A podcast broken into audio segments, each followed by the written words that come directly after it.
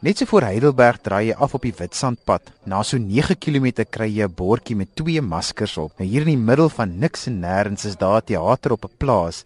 En die plaas se naam is Dassies Drift. Neil, hoekom 'n teater hier in die middel van niks en nêrens? Weet jy, ek het altyd as 'n jong boereseun wat by die Hoërlandbeskool Oudtshoorn gematrikuleer het, geglo elke haan moet 'n mishoop hê waarop hy kan kraai.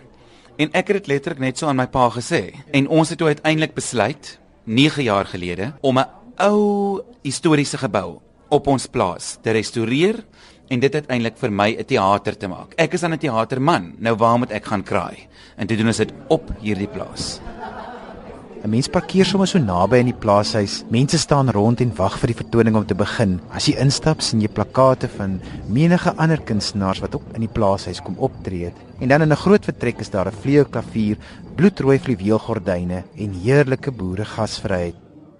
Ek is die ma van die teater. Hier sorg ek dat alles regloop. Ons maak kos, my personeel is aan my regterhand. So staan hier in die kombuis en ek sien die wonderlikste skottels met kos.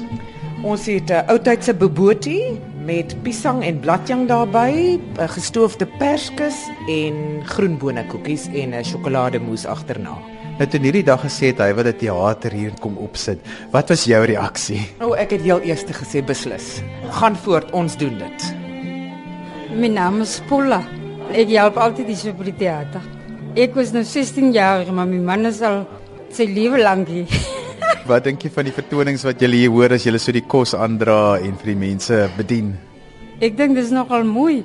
Ek het al amper my reg geval want ek het 'n storie gesien van ek kan hom nog nie onthou nie, maar toe ek nog net die inkom te sien ek die man ek het amper vloog geval wat ek hier by die teer kom. Ek kan nie glo nie, ek wou hom geknyp het. Maar toe dink ek nie waar ek sal maar liewer los. Oral is tafels gedek en mense word verwelkom met 'n heerlike broodjie en ons sit almal reg vir die vertoning om te begin. Die son hang laag, 'n week is verby. Dis net na 5 en die pad is oop vir my. Trek weg uit die stad. Die motors, die toet. Ek gee glad nie om nie. Want ek gaan nou groen.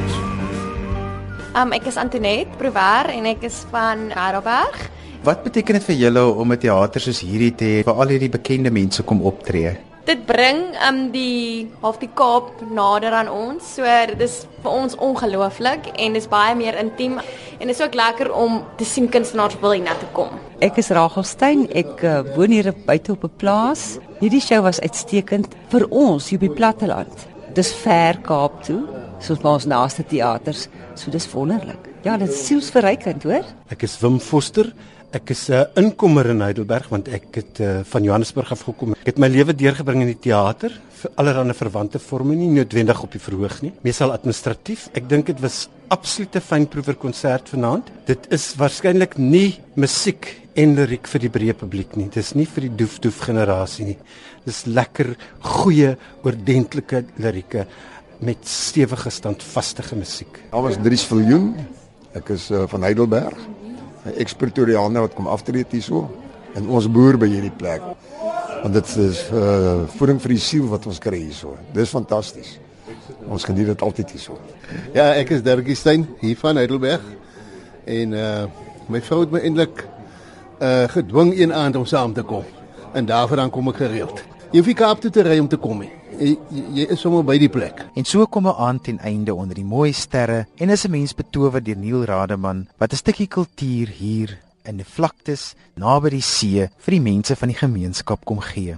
Jy word meegevoer met die musiek van bekende digters, mooiste lirieke en musiek wat jou saamneem op wêreldreise. Kom gerus vir 'n aand wat jy nooit sal vergeet nie. Dis iets wat jy nêrens anders sal kry nie. So anderste aan en glo my, dis die ry werd. In die baai langs die kant